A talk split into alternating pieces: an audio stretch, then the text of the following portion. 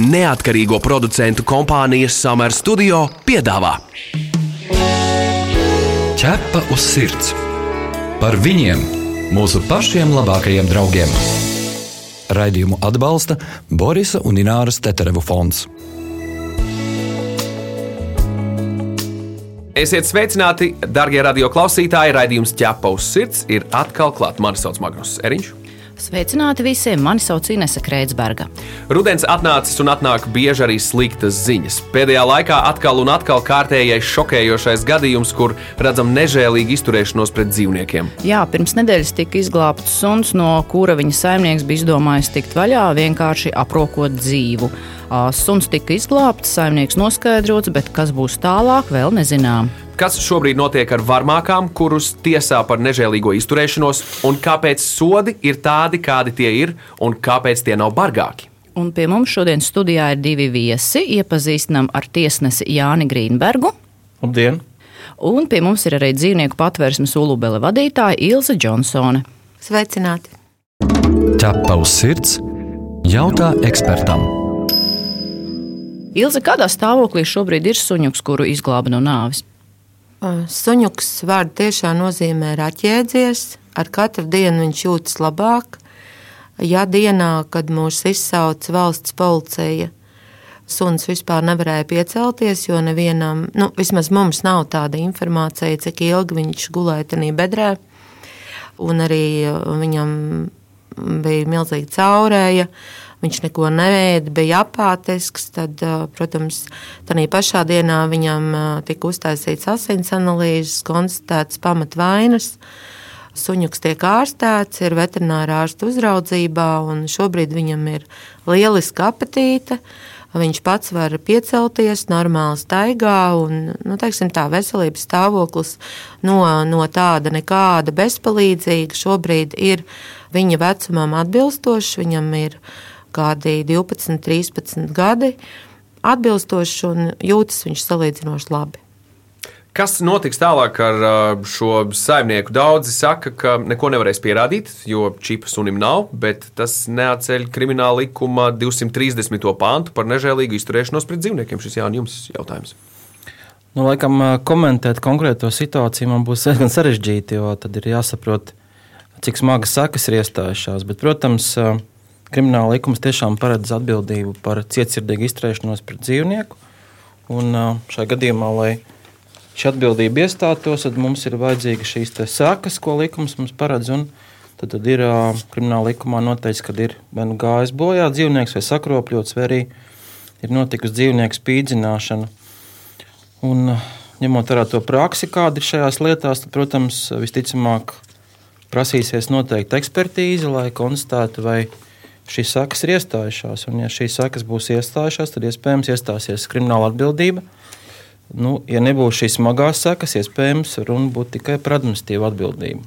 Bet, Ilze, kā tu komentētu tas, kas šobrīd notiek ar šīs situācijas izmeklēšanu? Tas, kas man pārsteidz, ir daudz cilvēki, kas saka, nu, čipa nav, neko nevarēs pierādīt, bet kāds tam sakars ir čips vai nav, tas neatceļ nežēlīgu izturēšanos pret dzīvnieku. Un šeit jau var pierādīt un noskaidrot, kurš tas cilvēks ir bijis un ko viņš ir izdarījis sunim. Ir tā vai nav? Un tieši tā, tā taisnība ar čipēšanu nav nekāda sakara jo mūsu valstī obligāti jāčipē tikai suņi. Tas nozīmē, ka nu, pret visiem pārējiem, kam nav čips, obligāts var izturēties nežēlīgi. Nu, tas absolūti neatbilst patiesībai un nedrīkst pārdarīt nevienam, ne savvaļas dzīvniekam. Viņu kaut kā īpaši mocot ne putnam, ne mājas istabas dzīvniekiem. Šis ir mīts, ir vai nav čips, tam šobrīd nav nekāda nozīme.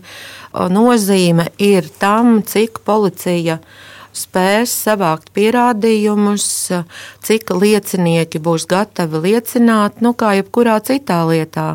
Bet kas mūs kā dzīvnieku aizstāvis nu, šobrīd, 21. gadsimtā, ļoti pārsteidz, un mēs tiešām aicinām palīgā ikvienu ar juridisko izglītību un ikvienu ar sirdi, ka mūsuprāt, Tā kā Grīnberga kungs jau minēja, ka krimināla atbildība iestājas tikai tad, ja ir šīs sekas, tātad sakropļots, miris, vai spīdzināts. Nu, mūsuprāt, tas ir absurds, jo mēs jau par to runājām vienā diskusijā ar prokuratūru. Arī prokuratūras ideja bija tāda, ka nu, visticamāk visi šie cietsirdīgas attieksmes panti būtu jākriminalizē. Nu, nevar būt tā, ka, piemēram, Pagājušajā gadā bija gadījums, ka kāds cilvēks viņam bija dusmas uz kaķi. Lai kaķi sodītu, viņš ietina viņu vairākos polietilēna maisos, izmet miskastē. Kaķis pats bija pilnīgi bezpalīdzīgā stāvoklī, un viņu pamanīja to kaķīti, ka kustās maiss pavisam citi cilvēki. Protams, izņēma kaķi ārā no miskas, izglāba. Kaķim nebija iestājušās šīs te jūsu nosauktās sekas un pazīmes. Un, un šis cilvēks, kas principā ar nodomu gribēja nogalināt kaķi, viņš tika sveikā ar kaut kādu pavisam niecīgu administratīvo sodu. Grīnbārga kungs, cik jūsu praksē ir šādi gadījumi bijuši par nežēlīgu izturēšanos pret dzīvniekiem, un kādi ir piespriesties sodi? Likums, ja es pareizi saprotu, paredz gan piespiedu darbus, gan nosacītu sodu, gan arī reālu cietumsodu. Jā. Es strādāju par tiesnesi šobrīd 23 gadus jau. Protams, tagad nepateikšu precīzi, cik man ir bijušas šādas krimināllietas, bet bijušas vairākas. Pēdējo lietu es izskatīju pagājušā gadā, kur personai tika celta apsūdzība par to, ka viņš ir nonāvējis un pirms tam arī spīdzinājis savu mājdzīvnieku suni. Nu, varbūt, lai nedaudz ieskicētos notikumus, cilvēks bija alkohola reibam atnācis mājā, un suns bija mājā izkārtojas dabiskās vajadzības, un viņš aiz dusmām bija šo suni smagi piekāvis un izmetis pa logu. Un pēc tam, protams, mums nāca arī liecinieki, kurš stāstīja, kā viņš šo suni ir mīlējis un kā par viņu rūpējies. Bet, nu, acīm redzot, kaut kādā brīdī cilvēkam šis alkohola reibums. Acīm redzot, šo prātu bija aptumšojis, jā, un šīs sekas bija letālas. Kas ar šo cilvēku notika? Nu, mēs viņam piespriedām reāli brīvības atņemšanu uz pieciem mēnešiem. Tā kā sots bija pietiekami bargs, jā, Nu, praksē arī man ir bijušas lietas, kur es esmu arī citas reizes piespriedzis arī reāli brīvības atņemšanu. Ir bijušas arī lietas, kur ir piespiests nosacīt brīvības atņemšanu. Cik man atmiņā palicis, protams, es arī visas gadījumus nevaru šobrīd atcerēties. Bet, Bet tas, ko es pareizi saprotu, šajā gadījumā var piespriest līdz pat trīs gadiem brīvības atņemšanu. Pareiz? Jā, 230. pantā, kurš paredz atbildību par cietsirdīgu izturēšanos pret dzīvnieku, ir brīvības atņemšana līdz trīs gadiem. Un otrā daļā, kur jau ir šie pastiprinošie apstākļi, ir brīvības atņemšana līdz pieciem gadiem. Jo es tieši iedomājos, kam vēl būtu jānotiek ar dzīvnieku, lai tiktu piemērots šis maksimālais sots. Jo nu, tas, ko mēs dzirdam, jau tā ir nu, cilvēkam neaptverami. Un tāpēc ir jautājums, ka cilvēkam iespējams nav bailes, nav nekādas bailes par, par sodu, ko viņš saņems. Droši vien tas šis jautājums ir jā, nedaudz dziļāk jāanalizē. Jo, runa par sodu politiku, un, un šo sodu politiku jau pamatā veido likumdevējs, kurš katram konkrētam nodarījumā, krimināla likumā ieliek arī šo paredzēto sodu. Un, uh, tas, kad uh, likumdevējs paredzējis atbildību līdz trīs gadiem, uh, būsim godīgi, lai tiesnesis piemērotu šo maksimālo sodu, jābūt ļoti īpašiem apstākļiem. Jo, ja mēs pat runājam par šo 230. panta pirmo daļu, Tas ir mazāks smags noziegums, un saskaņā ar krimināla likuma normām ir tiesnesis skata šādu lietu. Viņam ir šie alternatīvie sodi, kas ir sabiedriskais darbs, naudas sods un brīvības atņemšana. Tad ja tiesnesis uzskata, ka ir jāpiemēro brīvības atņemšana. Sots viņam ir īpaši jāmotivē un jāpamato, kādēļ šie alternatīvie vieglākie sodi nesasniegs soda mērķi. Un tikai šajā gadījumā viņš drīkst piemērot bargāko no sodiem. Un pēc tam, vēl, ja mēs skatāmies jau ja mēs nonākam pie soda veida, tad tiesnesim ir jāņem vērā atbildība mīkstinošie, pastiprinošie apstākļi. Un, ja pastāv atbildība mīkstinošie apstākļi, piemēram, savas vainas atzīšana, tad arī tiesnesim principā, es teiktu, nereāli piemērot pat uh, maksimālo sodu. Nu, tāda ir šī krimināla likumā iestrādātā šī sodu noteikšanas principa. Ja? Kāpēc uh, nu, tas svaru kausos, nu, varbūt arī Ilze var nokomentēt, tātad patiesībā dzīvības atņemšana dzīvniekam un, piemēram, dzīvības atņemšana bērnam, tātad tomēr tiek svērta dažādos kausos, norādot, ka, nu, tomēr tas dzīvnieks ir nevērtīgāks. Tā sanāk, nu, tā sanāk pēc idejas. Nu, tad, ja mēs salīdzināsim vien, dzīvnieku nonāvēšanu ar krimināla likuma pantiem, kas saucās slepkavība, tad, protams, ka soda sankcijas ir, ir maigākas. Protams, jā. Statistika, kas ir man pieejama no tiesu administrācijas, rāda, ka pēdējo divu gadu laikā Latvijā ir, ir 17 cilvēki notiesāti par nežēlīgu izturēšanos pret dzīvniekiem. Piespiedu un sabiedriskais darbs piespriests astoņos gadījumos, nosacīts sots četros gadījumos, naudas sots tikai vienā gadījumā. Iespējams, tas arī ir tas gadījums, par ko mēs runājām, par to kaķenīti, kur izmeta miskastē. Bet reāls cietumsots ir tikai četros gadījumos. Arī līdz gadam ir tikai tas cietumsots. Kā jūs abas puses komentējat? Tas ir daudz, maz, cik bargi tie sodi arī ir.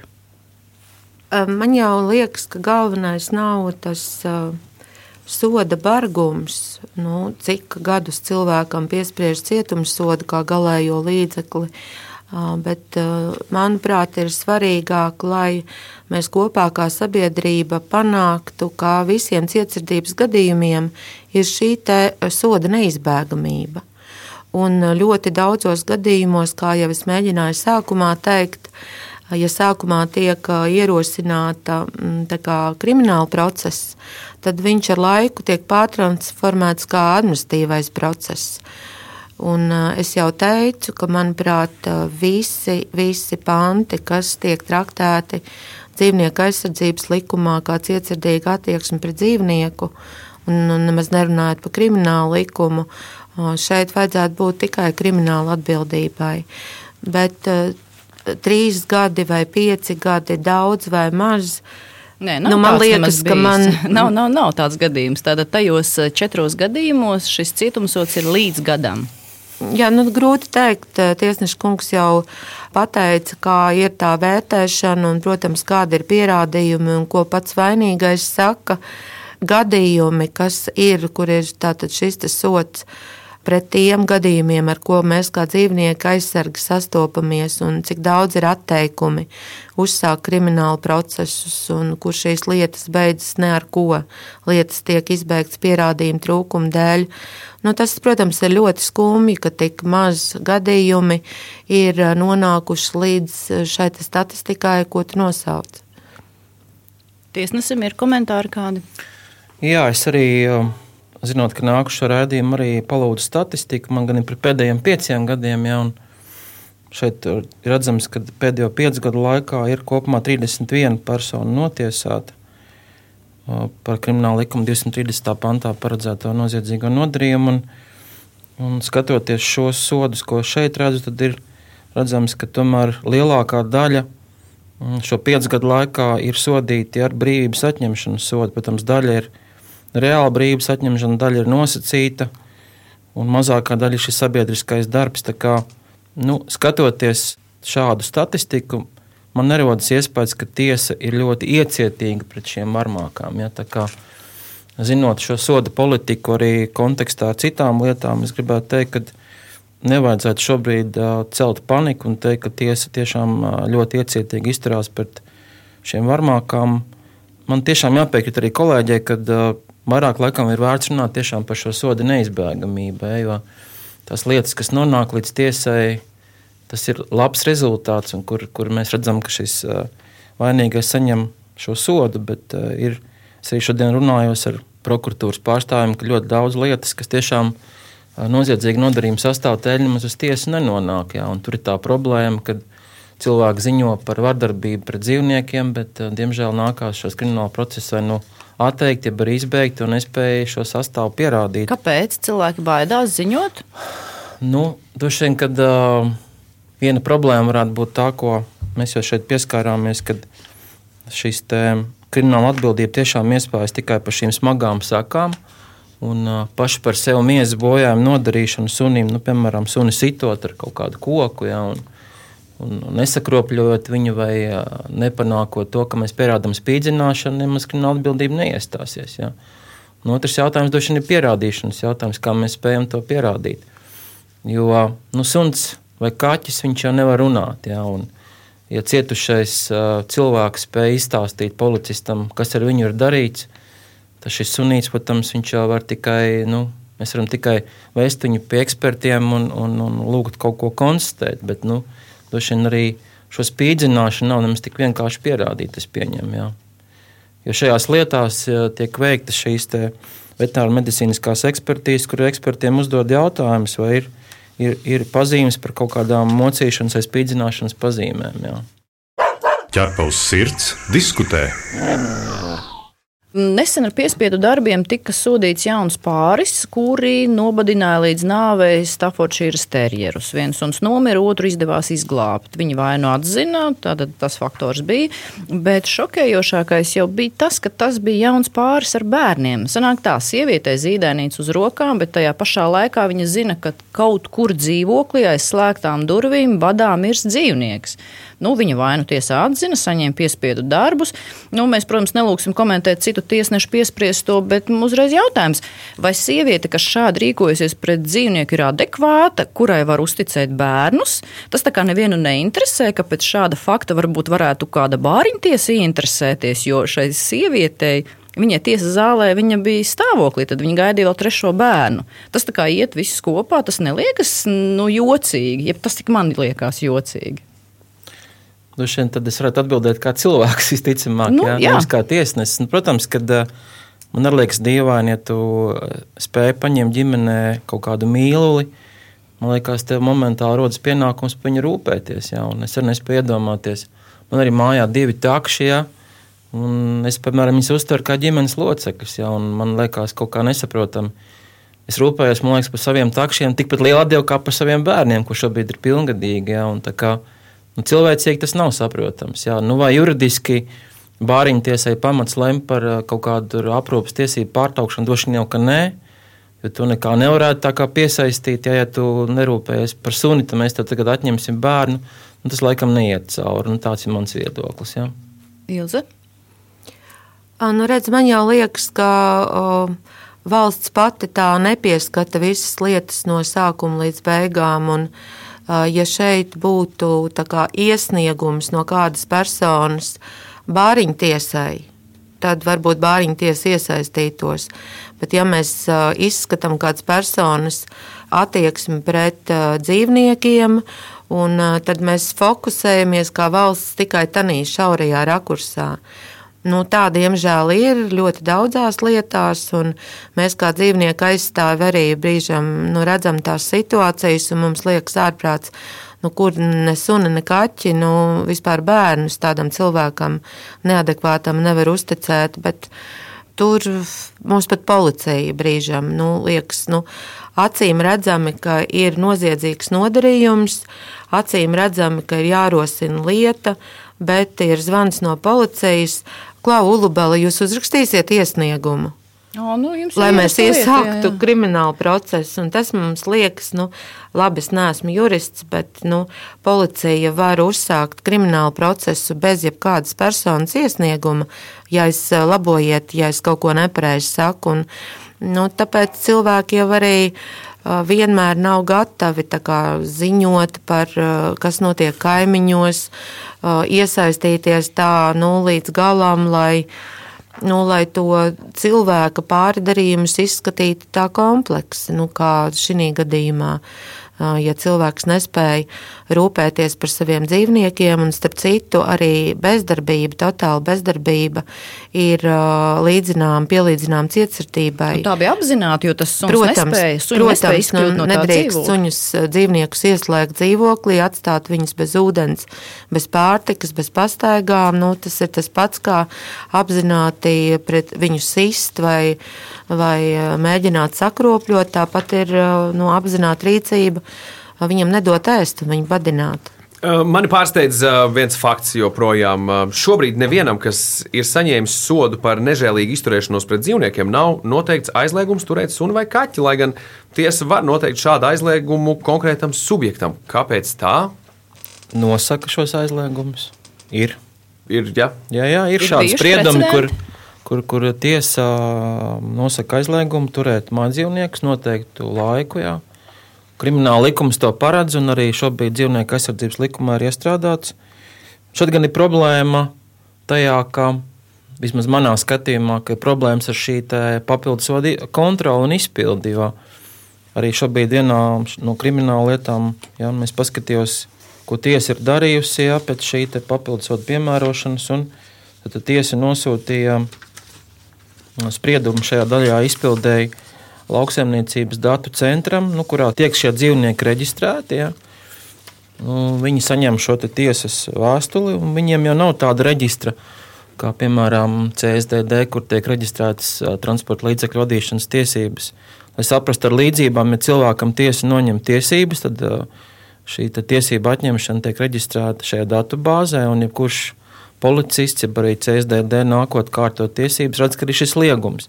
Jā, jā, to Attiec, mēs, jā, to mēs jā, attie, sapratām. Attiecībā uz šiem dzīvniekiem nav šāda reģistra, un ja pat šādu spriedumu viņi saņem, šis centrs, cik es saprotu, viņiem nav šāda veida, kur kaut ko ierakstīt, un ja pat cilvēks nāk pēc kādu laiku un grib pat reģistrēt un nočipot šo dzīvnieku, viņiem šis sarkanais uzraksts neizmetās. Ja? Tas nozīmē, ka šī te, uh, papildus soda kontrole faktiski gulstās uz kaut kādiem kaimiņiem, iespējams, uz kaut kādiem dzīvnieku draugiem, kuri varbūt par to zina un pēc tam var ziņot tālāk attiecīgi nu, policijai vai valsts veterināram dienestam un tā tālāk. Ja. Es tūlīt ilgstošu vārdu, bet es uzreiz pateikšu, ka a, mēs noskaidrojām, mēs paši bijām un filmējām Lielbritānijā. Viņi tur var uzraudzīt šos cilvēkus, kam ir tiesas aizliegums turēt dzīvnieku, jo viņu dzīvnieku policija ir pilnvaras iekļūt īpašumā, un viņi arī pārbauda, vai tiesāts cilvēks neņem suni vai kaķu uz vīra, sievas vai cita vārda. Tātad viņi var kontrolēt, mēs nevaram. Kāpēc? Vajag tik gribēt. Un nevajag nekādu riteni izgudrot no jauna. Mums valstī ir probācijas dienests, kas uzrauga dažādas pārkāpumus, to pašu sabiedrisko darbu. Un es domāju, ka tas nav pārāk sarežģīti. Šādi notaisājuši spriedumus, kur ir personai liegums turēt dzīvnieku, varētu arī probācijas dienests uzraudzīt. Tam nevajadzētu būt ļoti sarežģītai lietai. Atgādinām, ka pie mums šodien studijā ir tiesnesis Jānis Grīnbergs un dzīvnieku patvērsmes Ulubele vadītāja Ilze Džonsone. Un mēs diskutējam par to, kas šobrīd notiek ar varmākām, kurus tiesā par nežēlīgo izturēšanos, un kāpēc sodi ir tādi, kādi ir, un kāpēc nav bargāki. Šo radio pārraidi varēsiet dzirdēt arī podkāstu formā, populārākajās straumēšanas vietnēs, kā arī Latvijas radio mājaslapā, arhīvu sadaļā un mobilajā lietotnē. Tu esi mans draugs, ķepus sirds. Bieži mēs saņemam ziņojumus par adresēm, kur ir aizdomas, ka tiek mocīti dzīvnieki. PVD adresē iekļūt nevar, un viņi saka, ka bez tiesas atļaujas iekļūt adresē nav iespējams, bet tad ir jābūt ļoti, ļoti, ļoti kliedzošiem gadījumiem. Mēs noskaidrojām, ka aizvadītā gada laikā divas reizes ir izdota tiesas atļauja. Vai tiešām tik reti ir vajadzīga palīdzība dzīvniekam? Kam tad īsti prasa tas PVD? Es gribu vienkārši saprast, nu, kā tas notiek. Tad mēs uzzinām, ka tur ir nu, tiešām pēc PVD domām nu, ļoti kliedzošs gadījums. Nu, es pat nezinu, kas pēc viņu domām ir ļoti kliedzošs. Kā notiek šī tiesas atļaujas saņemšana, lai iekļūtu īpašumā? Jā, nu, es domāju, ka nevarēšu ļoti detalizēti komentēt viņu darbu, specifiku, bet nu, jāsaprot, ka ir divi veidi procesi. Ir administratīvā pārkāpuma process un ir krimināla process. Jā, un krimināla procesā droši vien Ja mēs runājam par cietsirdību pret dzīvniekiem, to izmeklē policija. Un, attiecīgi, policija ir likumā par policiju un krimināla procesa likumā doti instrumenti, kā viņi var iekļūt noteiktās teritorijās, tā skaitā arī saņemt tiesas sankciju, ja nepieciešams. Administratīvā pārkāpuma procesā arī ir regulējums, kas paredz, ka gadījumos, ja ir veikti šie pārkāpumi, ir nepieciešams iegūt šīs ziņas vai pierādījumus. Tad, tad šīs procesa veicējs, šajā gadījumā pārtiks veterinārais dienests, var lūgt akceptēt iekļūšanu telpās. Cik es atceros, tad šo iekļūšanu var akceptēt neatliekamības gadījumā prokuratūra. Un, ja šī neatliekamības gadījuma nav, tad viņi var nākt uz tiesu un lūgt tiesai šādu akceptu dot. Bet viņi nāk un prasa? Es neesmu saskāries ar šādu situāciju, jā, nemācīšu komentēt. Ilze, kāda ir tava pieredze ar šo situāciju? Nu, pieredze ir tieši tāda, kā tu teici, plāti rokas un saka, mēs netiekam īpašumā iekšā. Bet es vēlreiz gribētu akcentēt, ka, manuprāt, visi kliedzošie gadījumi, neatliekami kliedzošie, nu, kāds PVD. PVD būtu jāpārbauda un jākontrolē labturības pārkāpumi, kas nu nekādā ziņā nevar būt nu, tādi asapi un kliedzoši. Bet viss, kas ir dzīvībai apdraudošs, cietsirdības gadījumi, mūsuprāt, būtu tikai un vienīgi policijas kontrolē. Jo policijai ir daudz iespēju lielāka operatīvi reaģēt. Policija mums darbojas 24 stundas. Viņām, viņai nav pārtiks veterināram dienestam sestdienas, svētdienas, brīvdienas un darba laiks līdz 4 vai līdz 5. Mēs tiešām vēlreiz akcentējam, ka cietsirdība ir tikai vienīgi policijas kompetence un tikai vienīgi krimināla atbildība. Kāpēc mūsuprāt krimināla atbildība? Jo cietsirdība pret dzīvu radību ir apzināts ļaunums, apzināta vardarbība nu, tāda neģēlīga rīcība, un pastāv pat ASV ir liels pētījums, ka šie varmākas, kas sāk ar cietsirdīgu attieksmi pret dzīvniekiem, un ja nav valstī noregulēts, ka viņi neizbēgami tiek sodīti, nevis kaut kā ar milzīgu sodu, bet nu, kad ir šī soda neizbēgamība, pēc tam šie varmākas jau pāriet uz pavisam citiem noziegumiem pret cilvēkiem un tā tālāk. Un, uh, kāpēc arī krimināla atbildība? Tad cilvēki daudz vairāk baidītos, tie, kas ir varmākas, uh, izdarīt pār dzīvniekiem.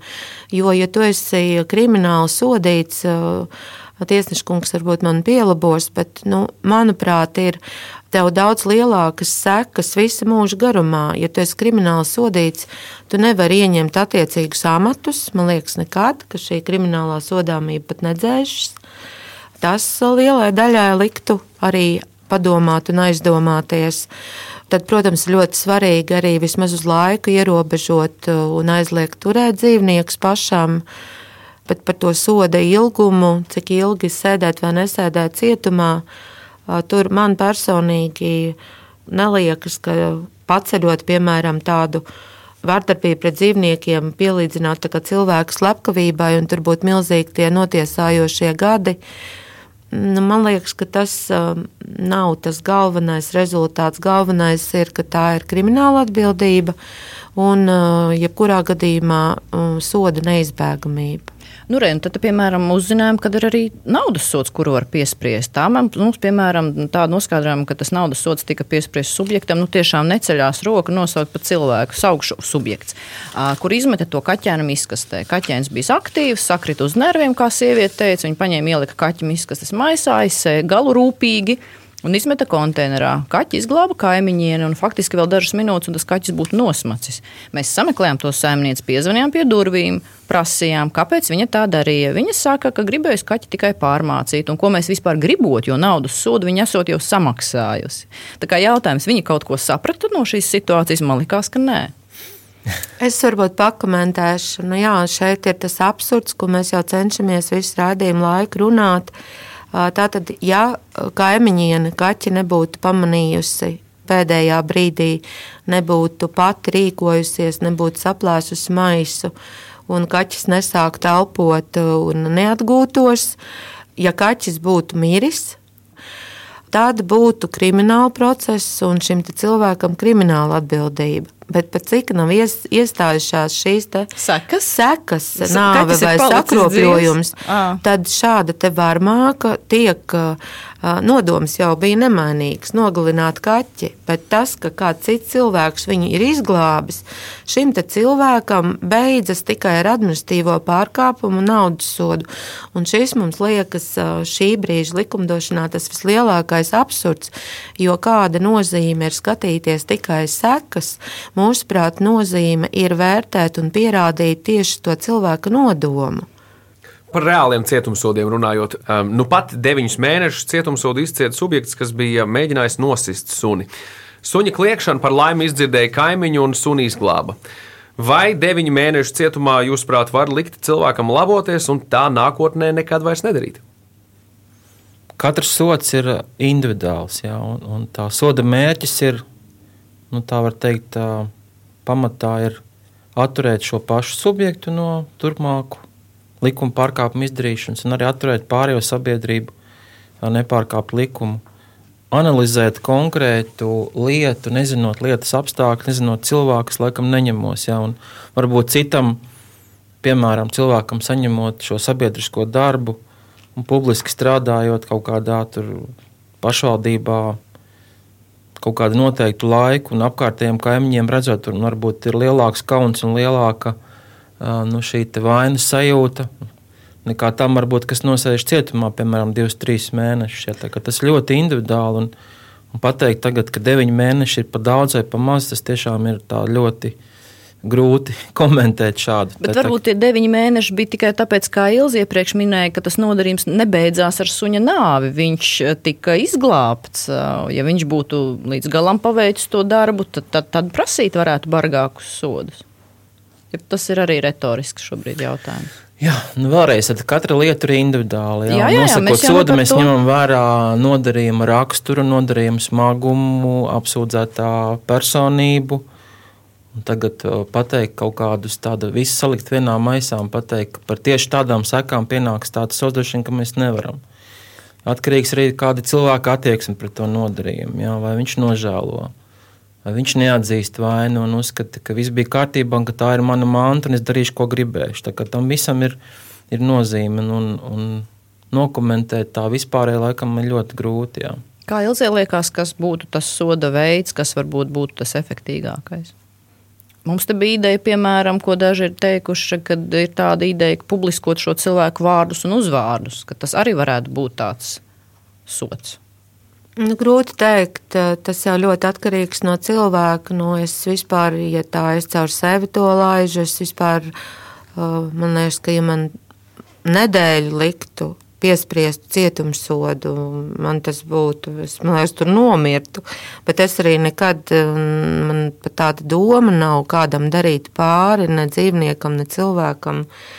Nu, tas ir ļoti, ļoti, protams, individuāli no cilvēku, un mēs jau strādājot dzīvnieku aizsardzības jomā, redzam to kontingentu, un tiešām brīžam liekas zeme atveries to subjektu vispār ir ļoti grūti nosaukt par cilvēku. Nu, liekas, nu, kas tas tāds par radījumu?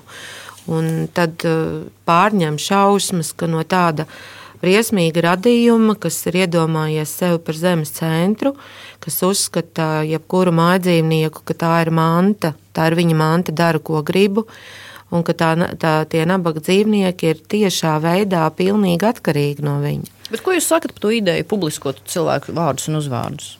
Nu, piemēram, tas ir līdzīgi alimentu nemaksātāji. Viņiem ir kaut kāds parādnieku reģistrs. Nu, var redzēt, kas ir. Tas ir tāda baigā kauna lieta.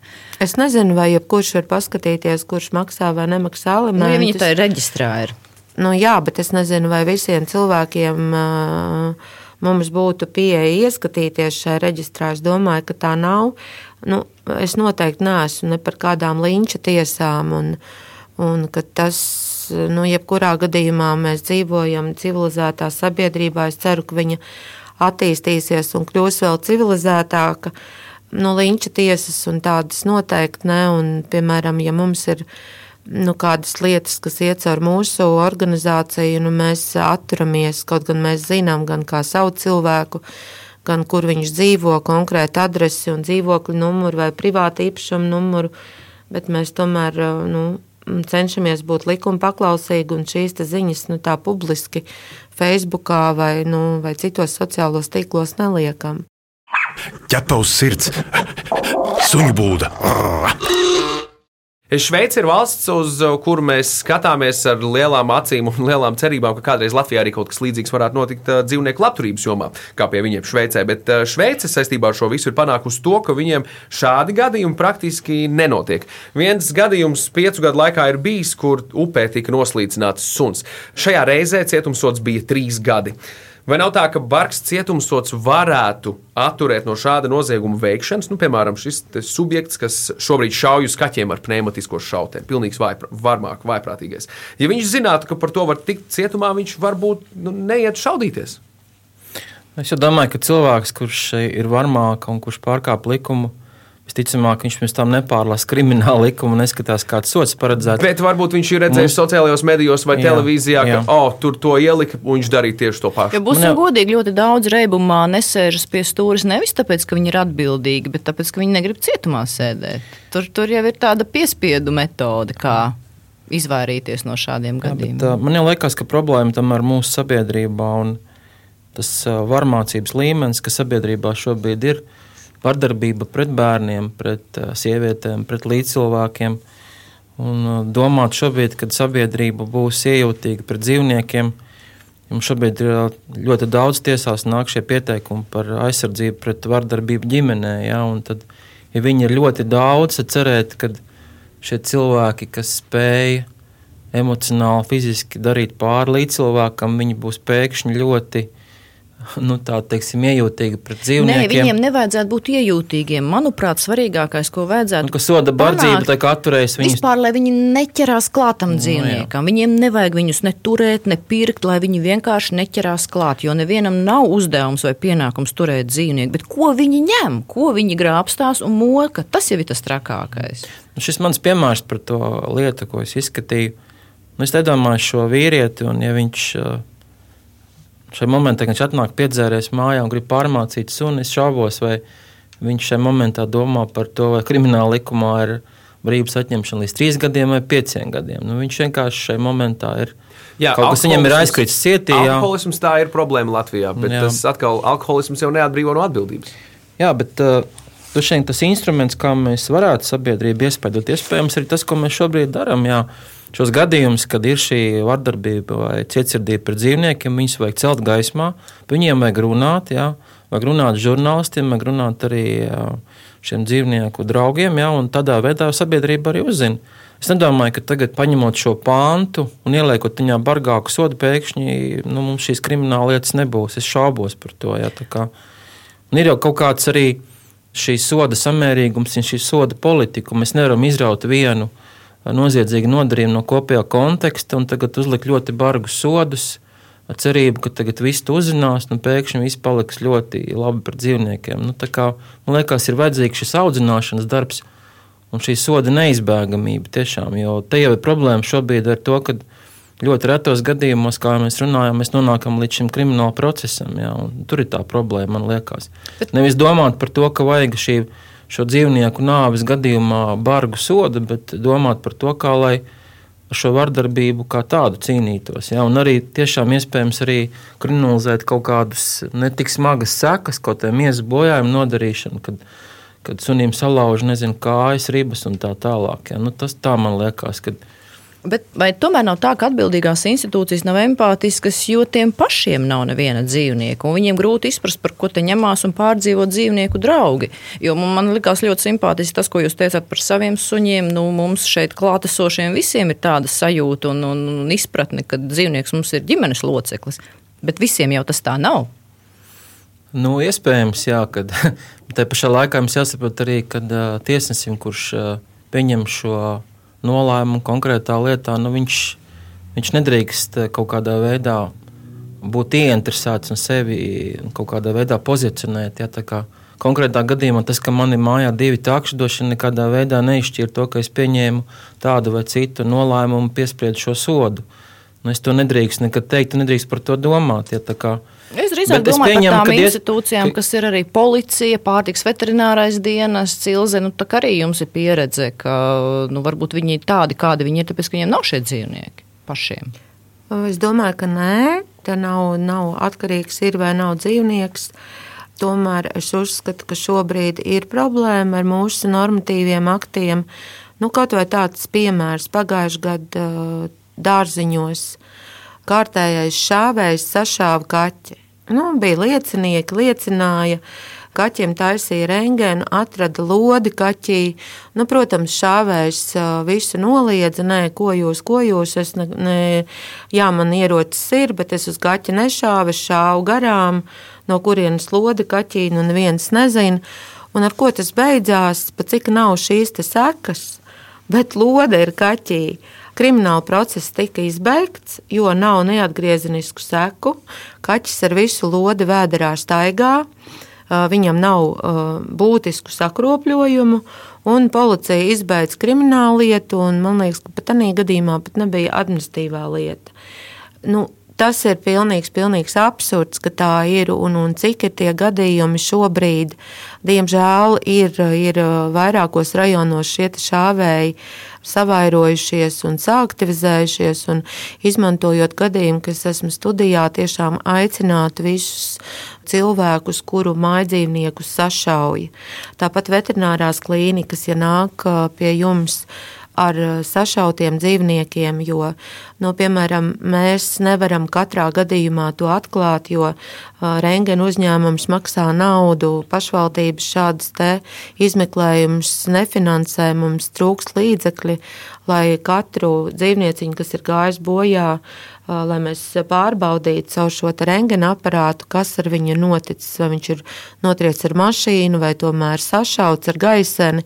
Tāpēc mēs aicinātu ziņot uz info atdzīvnieku policija LV Un, un tiešām visus šos gadījumus pieteikt, mēs pat uh, lūgtu juristiem palīdzēt sastādīt iesniegumus, lai tomēr šīs lietas, šie iesniegumi būtu, lietas tiktu rosinātas, jo nu, parasti jau tāds šāvējs, jau neapmierinās ar vienu šāvienu. Viņš dzīvo konkrētā rajonā, jeb staigā pa konkrētu rajonu, un tad tur arī šauj visus, kas viņam apkārt, gan putnus, gan kaķus, gan kādam sunim mēģina trāpīt, un ja cilvēki ziņot, vienoti, ja viņi nebūtu vienaldzīgi, mēs varētu daudz vairāk panākt un policijai dot šos mm, ziņojumus, un arī policijai būtu daudz vieglāk izmeklēt lietas. Radījuma noslēgumā varbūt ir kāds ieteikums, ko darīt tiem cilvēkiem, kuri nevēlas noskatīties uz vardarbību pret dzīvniekiem. Kas ir jādara? Jāmēģina filmēt ar telefonu, jāmēģina zvanīt policijai, pašam ir jāies, jā, jāiesaistās. Ilzi, pastāst lūdzu vairāk, zinot tavu pieredzi šajā pirmām kārtām darīt visu iespējamo, ja tu redzi cietsirdīgu attieksmi pret dzīvnieku, lai novērstu, ja vēl ir iespējams to novērst. Protams, nesavainojot pašam sevi, nu, mēģināt izdomāt to pareizo risinājumu. Ja kāds sit suni un tu brauc ar auto un to redz to situāciju, nu, tad mēģināt noparkoties, aizrādīt cilvēkam, runāt ar viņu. Noteikti iesaku visu filmēt. Noteikti. Fotogrāfijām ir mazāk nozīme, bet video uzņēmumiem nedomāju, ka to vajag uzreiz likt publiski, bet jebkura policijas nodaļa kopā ar iesniegumu pieņem visus video materiālus, un arī tad izmeklēt ir daudz vieglāk šīs lietas. Jo pierreiz izmantot izdevību, ka mums studijā tiesnesis tiesā palīdz šādi pierādījumi kā video, tas tiek ņemts vērā. Acu liecinieku video. Uh jebkurš no pierādījumiem tiek ņemts vērā un analizēts, protams, arī gan audio ieraksti, gan video ieraksti. Atkarīgs, protams, no tā, kā to autentiskumu viņiem var noteikt, un vai viņas apšauba, kā tas ir kas cits, bet, protams, ka tiek ņemts jebkas vērā.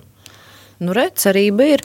Nu, mūsu diskusija noteikti vēl turpināsies, jo šī tēma ir, protams, neizrunājama vienā reizē. Mēs turpināsim nākamajos raidījumos. Paldies mūsu viesiem. Šodien studijā mums bija tiesnesis Jānis Grīnbergs un dzīvnieku patvērsmes Ulubela vadītāja Ilze Džonsone. Paldies jums!